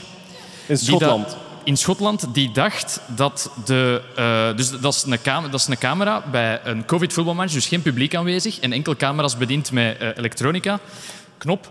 En dat is een camera die dat regelmatig het kale hoofd van de lijnrechter verward met de bal. Dus nu heeft hem de echte bal in zicht en hij vergist zich terug en het is terug naar de kale lijnrechter. Bal, bal, bal, bal, bal, kale lijnrechter. Dat vind ik een heerlijk voorbeeld van... We zijn er nog niet met die AI. Dat zal wel meevallen. Eh, dit, is, is ook een van mijn favorieten. Het is een duif die dat ze hebben geleerd om borstkankercellen te ontdekken. Dus ze hebben die in een kot gestoken waar hij regelmatig zo van die slices van ma- mammografieën krijgt. En als hij het juist heeft, krijgt hij een zaadje. En als hij het fout heeft, krijgt hij geen zaadje. En wat blijkt? Dokter Duif is verdomd goed in het herkennen van eh, ja, cellen die daar slecht gevormd zijn. Ik kijk naar Hetty. Ben je bekend met dit onderzoek? Eh, ja, kijk. kijk, ja. Heb je weer een hoop belangrijke dingen gemist. Eh eventjes kijken. We hebben ook nog eh 's werelds meest geconstipeerde leguaan. Voilà. Dat was een leguaan die op een, leguaan die op een bepaald moment 78% kak was. En hoe kwam dat? Die leefde in een pizzazaak in Florida. Dat, die, dat was een wilde leguaan en die had zich op het strand had hij een nestje gebouwd onder de dubbele vloer van een pizzazaak. En daar had hij dus de, de vuilbakken leeg te fretten, ja, inderdaad. Ik heb mijn favoriet nieuwsje... hey, hey. Pizzagate, the lizard people. Full of shit. Ik zeg het maar even. Ik vrees dat ik hem ga moeten afgeven. Ik heb mijn favoriete nieuwsje gevonden. Eh, de Marsrover van de NASA was kapot. Die marcheerde Ja. niet meer goed. En die hebben ze zichzelf doen herstellen door met zijn eigen schop op zijn kop te slaan. Dus daar zat ietske te vast of te los en ze hadden geen enkele manier meer om dat los te wrikken. En dan hebben ze het schopje eigenlijk zo een paar keer... Bing. En het was hersteld. Zeg, andere podcasts. Goh, ik denk No Such Thing as a Fish is Ja. wel de bekendste. Waar dat ze ja, vooral heel veel feitjes combineren dan met, met comedy. En de reden dat ik ze vooral wil vernoemen is No Such Thing as a Fish komt uit QI. En eigenlijk de combinatie maken van eh, feitjes, nice to know, en, en wetenschapdingen met comedians, dat is uitgevonden door QI. QI, dat is de schijn en de schepping van het Verenigd Koninkrijk. Heel wel, ja, omgekeerd. Maar, ja. Dus eh, QI is een programma dat al eh, nog steeds loopt, dat al gigantisch lang loopt op de BBC. Is ontwikkeld door John Lloyd. John Lloyd is een soort legendarische producer. Wat heeft hij allemaal gedaan? Die heeft eh, Blackadder geproduced. Ik denk dat hij nog, zelfs nog Doctor Who-afleveringen van de oude reeksen geschreven heeft. Was goed bevriend met Douglas Adams, de schrijver van The Hitchhiker's Guide. En was zelf zijn sparringpartner bij het schrijven. Heeft boeken samen met Douglas Adams geschreven. Enfin, zat een beetje overal. Eh, Spitting Image heeft hij geproduced. Zo die poppen, die lookalike poppen. Ehm, en op een bepaald moment was die zo wat... Die had geen projecten meer en die was zo een beetje aan het zoeken van wat wil ik nu eigenlijk doen. En de BBC vroeg van, ja, heb je nog nieuwe ideeën? Want ja, dat was zo'n eh, succesproducer.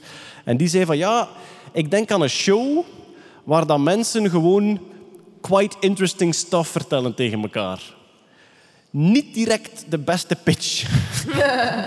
gewoon quite interesting stuff. En dus overal zeiden ze van, ja, maar why? Wat is het spelelement? Wat zo niet echt een spelelement? Gaat toen wel al Have I Got News For You, waar dat je ook zo eigenlijk zonder spelelement een beetje eh, joked. En die zei van, kijk, dat is het concept. Er is één presentator, er zijn vier comedians in het panel. En die presentator die stelt vragen over quite interesting dingen. En die vier mensen die raden daarnaar en die babbelen er daarna een beetje over.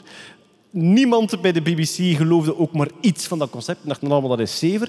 En dan heeft hij uiteindelijk ene producer overtuigd door te zeggen van oké, ik zal u een keer drie quite interesting dingen vertellen. En die had zo'n lijstje, denk onder andere de tardigrade, de waterbeer zat daarbij. Maar kijk, er is een beestje en dat kunnen we naar de ruimte schieten en in brand steken en bevriezen en gelijk wat en dan overleeft het allemaal.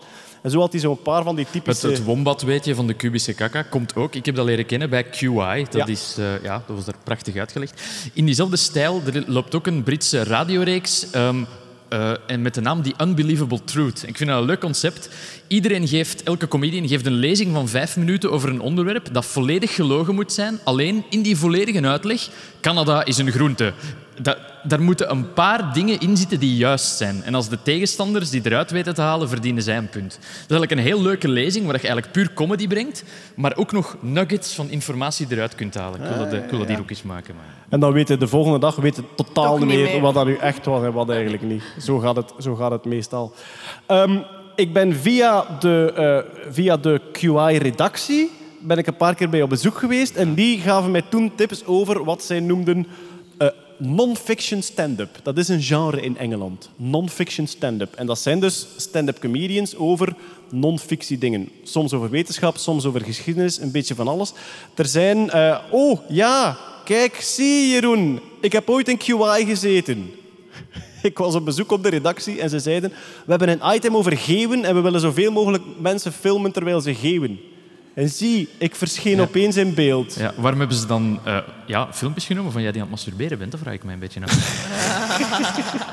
Ik weet dat jij geeuwt tijdens het masturberen en zo. En Dat is, mij, dat is nu eens een feitje dat mij ooit is wijsgemaakt. Er zijn maar twee momenten in je leven waarop dat je niet de hersencapaciteit hebt om te liegen. En dat is als je niest en als je klaarkomt. En ik wil altijd ik wil zo'n soort van politiereeks maken waarin dat, dat uitgebuit wordt van geef me vijf minuten. ik denk dat je net een, Het snuifpoeder en de lotion, alsjeblieft. ik denk dat je net een conceptje voor PornTube ontwikkeld hebt. ik, weet, ik weet wel niet of dat, dat waar is. Dus dat is dan, ik smijt het in de lucht. Weet er iemand of daar iets van aan is? Eh, soort van, ja, het werd aan mij verkocht als... Ja, dan kun je gewoon niet nadenken. Eh, en ik denk... Het Het klinkt heel erg eh, publication bias. klinkt echt Ja. publication bias. Maar ja, kijk. Of het is alleen voor mannen. Kunnen vrouwen ook klaarkomen? Bon.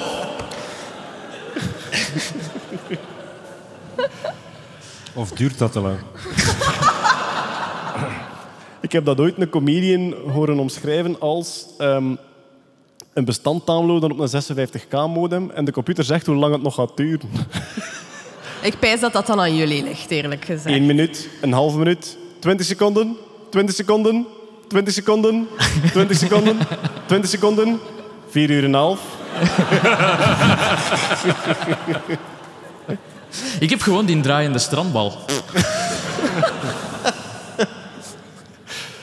Ik heb dat, ik heb dat dinosaurusje dat over cactusjes wil springen.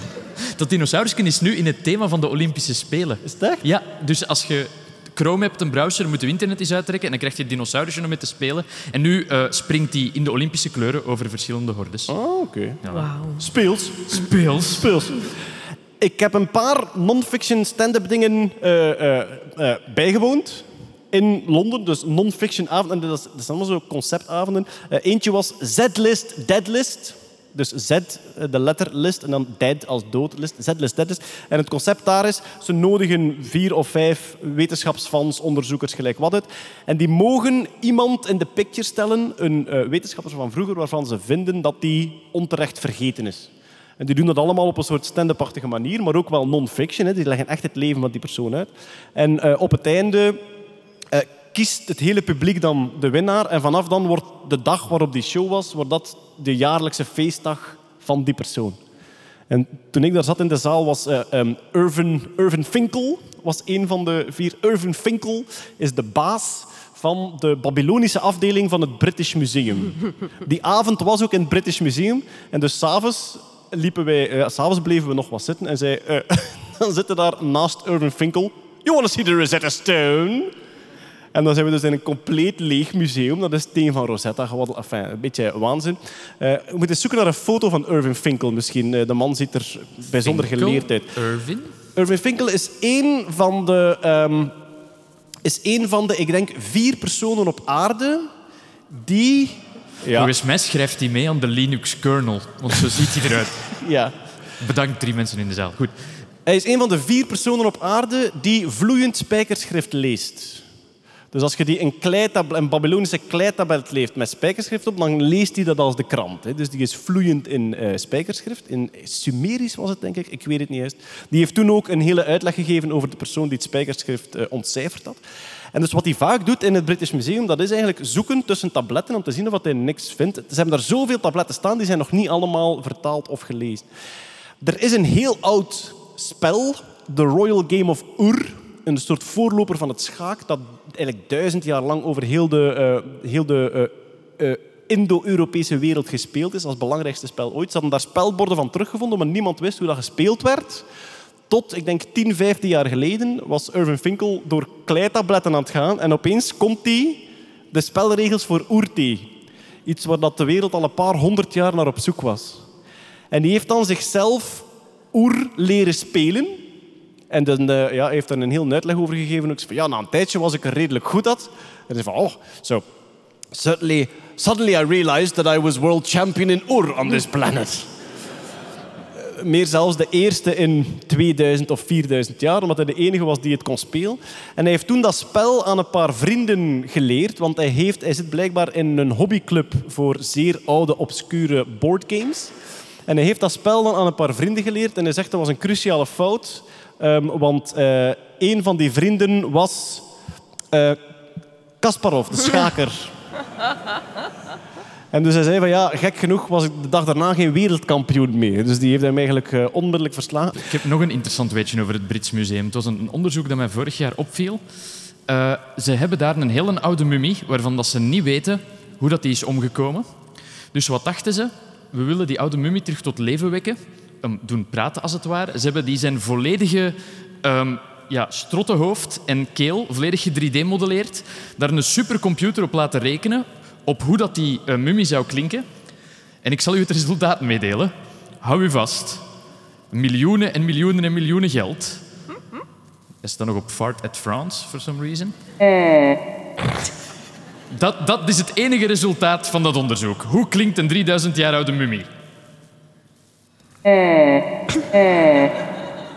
Was een beetje, was een beetje zagenvent ook, hè, Ja, die mummie? inderdaad. Ja, ja, toch. Ze ook- denken, ze denken dat het een, een oude priester is die de kop is ingeslagen omdat hij geld uit de tempel gestolen heeft. Nee. Zijn reactie?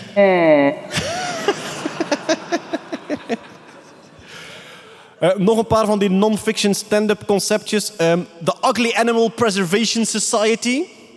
Is eh, Simon Watt, denk ik, eh, heet hij. En die trekt eh, door Engeland en ook naar andere landen. En wat hij eigenlijk doet, is die houdt een soort show waarin het lelijkste dier van dat land verkozen wordt. En hij vindt het belangrijk dat we meer appreciatie krijgen voor lelijke dieren. De tagline van de Ugly Anima- Animal Preservation Society is We can't all be pandas. En elk jaar houden ze ook een eh, lelijkste dier op aarde verkiezing. En ik hoop eigenlijk dat we hem snel een keer naar België kunnen halen. Want ik ben heel benieuwd wat het lelijkste dier, ehm, wat het lelijkste dier in België is. En voor welke partij het opkomt. Dus eh, moeten we uiteindelijk... ehm, En dan, ja, het, het, het conceptje dat echt... Die andere concepten zijn zo af en toe een keer dat ze zo een Z-list, deadlist avond houden. Maar de Bright Club is eigenlijk een comedyclub. Ik denk elke maand houden die een comedyavond voor en door eh, wetenschappers, wetenschap-liefhebbers, comedians die iets over wetenschap doen en omgekeerd. En Bright Club hebben we een paar keer in Brussel gedaan ook. Hè. Ja, jij hebt dat gepresenteerd. Ja. En dat is de enige keer dat jij mij als comedian hebt aangekondigd. Is het waar? Ik wil En de laatste keer. Ik wil dat nog wel eens doen. Nee, nee, nee. Nee, de VUB heeft dat een paar keer georganiseerd. Ja. Ik vind dat altijd een heel toffe avond, omdat mensen... Het publiek is ook heel vergevingsgezind. Heel veel van die onderzoekers spelen voor de eerste keer stand-up. Maar ja, vertellen wel, vertellen wel toffe jokes over hun onderzoek. En natuurlijk zit daar heel veel van het wee mij, eh, wee mij onderzoeker in. eh, ik moet zo hard werken. Ik herinner mij een, een, een Japanner die eh, onderzoek deed, denk ik... ehm, sterrenkundig onderzoek, dus die telescopen had. En zijn telescopen stonden eh, op Spitsbergen en die van zijn collega's stonden op Hawaii. En dan vroeg hij zich af of wat hij verkeerde career choices gemaakt had. Maar hij was altijd kwaad. Hij vond eh, wetenschappers mogen niet op het strand liggen. Daar worden ze lui van. Dus zijn telescopen op Spitsbergen in de kou, dat waren de enige echte. Ehm, goed, dan denk ik dat we een hele hoop dingen overlopen hebben en dat we er zo ongeveer wel zijn. Van tips die we jullie konden geven over science en comedy. Als ik het een beetje overloop zo, voor mij, het is een zuiver persoonlijke analyse of indruk van hoe dat, hoe dat wetenschap en comedy ergens een raakvlak gevonden hebben. Ik denk die Ig Nobelprijzen, dat die daar zo wat het eerste in waren van zo de onnozelheid erin te brengen. Ik denk dat QI geweldig belangrijk geweest is om voor het eerst... Misschien hebben die voor het eerst wel non-fiction als entertainment gebracht. Wat wij eigenlijk ook heel vaak doen. Hè. Dat is wetenschap als entertainment zien en dat op die manier en dat ook laten bespreken door comedians, dat je daar wat extra lucht aan geeft. Daar komen dan ook die podcasts uit, die No Such Thing as a Fish podcasts. En dan hebben we ook een immense boom gezien van zo, ja, wetenschap als entertainment. Je hebt die I Fucking Love Science Facebookpagina, was zo ook de eerste keer dat die heel groot werd, dat mensen dat echt als entertainment begonnen lezen en zien. De YouTube-kanalen kwamen erbij, de cartoons kwamen erbij. En ergens, ja, ik heb hem ook nog opgeschreven. Misschien was de Big Bang Theory daar zo wel een beetje. Ja, maar jij bent geen fan Ik, ben- ik, vind, ik vind de Big Bang Theorie eh, geek karaoke. Het, Ah, wel. het, het zit, het, de mop is altijd... Haha, iemand zegt iets dat in deze context raar of nerdy is. Maar het gaat nooit over wat dat hij zegt zelf. Als, als eh, wat is het hoofdpersonage ook alweer? Eh, Sheldon eh, Ubuntu Linux roept, dan is het niet... Waarom, waarom roept hij dat? Dan is het van, haha, hij heeft het over Linux. Wat een gekke Sheldon toch. En dat stoort mij. Het, is, het gaat niet diep genoeg. Ja, ja, ik vind dat ze dat soms wel doen. Maar goed, eh, mijn belangrijkste punt is, ik, ik, ik denk dat dat een moment was dat eh, wetenschap als onderwerp in comedy is nooit breder geweest dan in de Big Bang Theory. En natuurlijk, ze maken er karaktertjes van en karikatuurtjes van. Ehm, maar ik herinner mij ook ik herinner mij een scène waarbij dat, ehm, eh, Sheldon zich ergert aan Penny, aan allerlei dingen. En na een tijdje begint deze, eh, begint deze ehm, eh, operant te conditioneren. Dus ze komt binnen en ze slaat de deur te hard toe. Ze zegt, oh, I hate it when you slam the door that hard. Could you try closing it softer? Ze zegt, oké. Hij zet de deur zachter toe. Chocolate? En dan, oh, your voice is so high, it's, it's kind of irritating. Okay, would you like it if I talk like this? Chocolate? je ziet hem zo verder operant conditioneerd, tot als ehm eh, Leonard dat doorheeft. Dan zegt tegen hem van, eh, I see what you're doing. you're, you're, you're Skinner conditioning my girlfriend. You, have to stop it now. No, I would have her spinning in circles by the end of the week. En dan zitten we wel diep in de skinnerboxen en het duivenonderzoek enzovoort. En ook de, de formules op de achterkant, eh, die kloppen ook altijd wel. Er zit een fysici mee in de writer's room. Maar ik weet dat er verschillende kampen zijn. Sommigen vinden het, heel, vinden het te clichématig. En ik denk vaak bij mezelf, ja, maar de nerdclichés die ik daar zie, die bestaan ook wel op een manier. Het is niet helemaal, allee, we, zijn, we zijn niet allemaal surferboys of zo. eh, Het, het is hier eh, 16 plus. Hè. Er is ook een van mijn favoriete blogs ehm, die analyseert de eh, borden die in pornofilms staan. Ah, de- wat er op de achtergrond staat. De achtergrondborden. Voilà. Kloppen die formules of niet? En dan staat daar een hele uitleg onder van ja, nee, dit is, dit is echt pure zever. Of, of, of deze, de- keep, keep hands on wheel. Dit is dan een soort van, van driver education. En ja, het, het, er zijn verschillende voorbeelden dat ze eruit halen. Dat ze zeggen van, kijk, hier, is, hier heeft echt iemand de moeite gedaan om een formule op te schrijven, maar ze zijn in de helft gestopt omdat het bord op was. Wilde jij nu, wilde jij nu zeggen dat je zelfs op pornosites geen vrouwen kunt krijgen? Is dat eigenlijk de conclusie? Nee, dat is een blog. Ja, oké, ja. Dat, is iemand dat die maakt. Van, oké, die twee hebben plezier, maar ik zal het bord dan maar lezen, zeker? eh. Sorry, Jeroen. Het is oké. Je bent nog steeds de heersende gouden jas Ja. van onze generatie. Mijn rug werkt nog. Uw, uw rug... Ah, ja, ja, ja, dat is Kom, waar. Ja. Kom, kom maar eens een beetje uit uw schelp vanavond. het is hier warm. Alright, we gaan hier langzaamaan gaan afronden. Ik heb nog een paar eh, dienstmededelingen. Ten eerste, hartelijk bedankt aan Jelle Laperre van Crew Collective, die ons gefilmd heeft vanavond. Dankjewel, Jelle.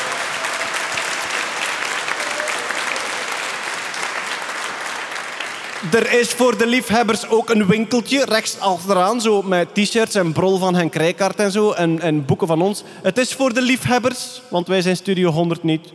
Dan hadden we het wel gewoon aan de uitgang gezet. Niet dus, hè, dus eh, doe wat je wil. Er liggen ook dvd's van Henk.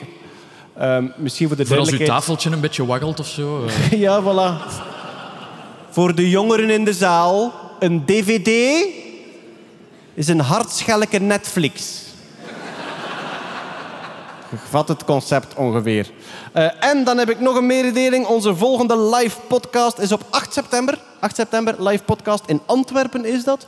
Op het The Sounds of Science, Sound of Science Nights. Omdat het festival niet doorging, zijn dat de Sound of Science Nights geworden. Hebben we daar themaavonden. 8 september, live podcast. Is dat eentje met een onderwerp of met een... Ah, niet. Dat moeten we nog uitmaken. Ah, nee, ik denk dat ik het al wij- weet wat ons onderwerp was. Het was waarschijnlijk geen maandoverzicht, maar... ehm, Wat dan? Wat? Had die een boek tegen me gingen lezen, of niet? Wat? Boek? Nee? Nee? Ik ga de mensen van de techniek bedanken. ja, voilà. Ja.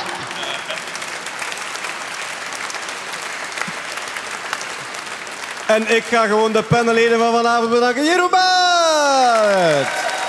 Hetty Heltwoordo. Gilly. En ikzelf. En jullie allemaal bedankt voor het komen, bedankt voor het luisteren. En tot de volgende keer. Dag.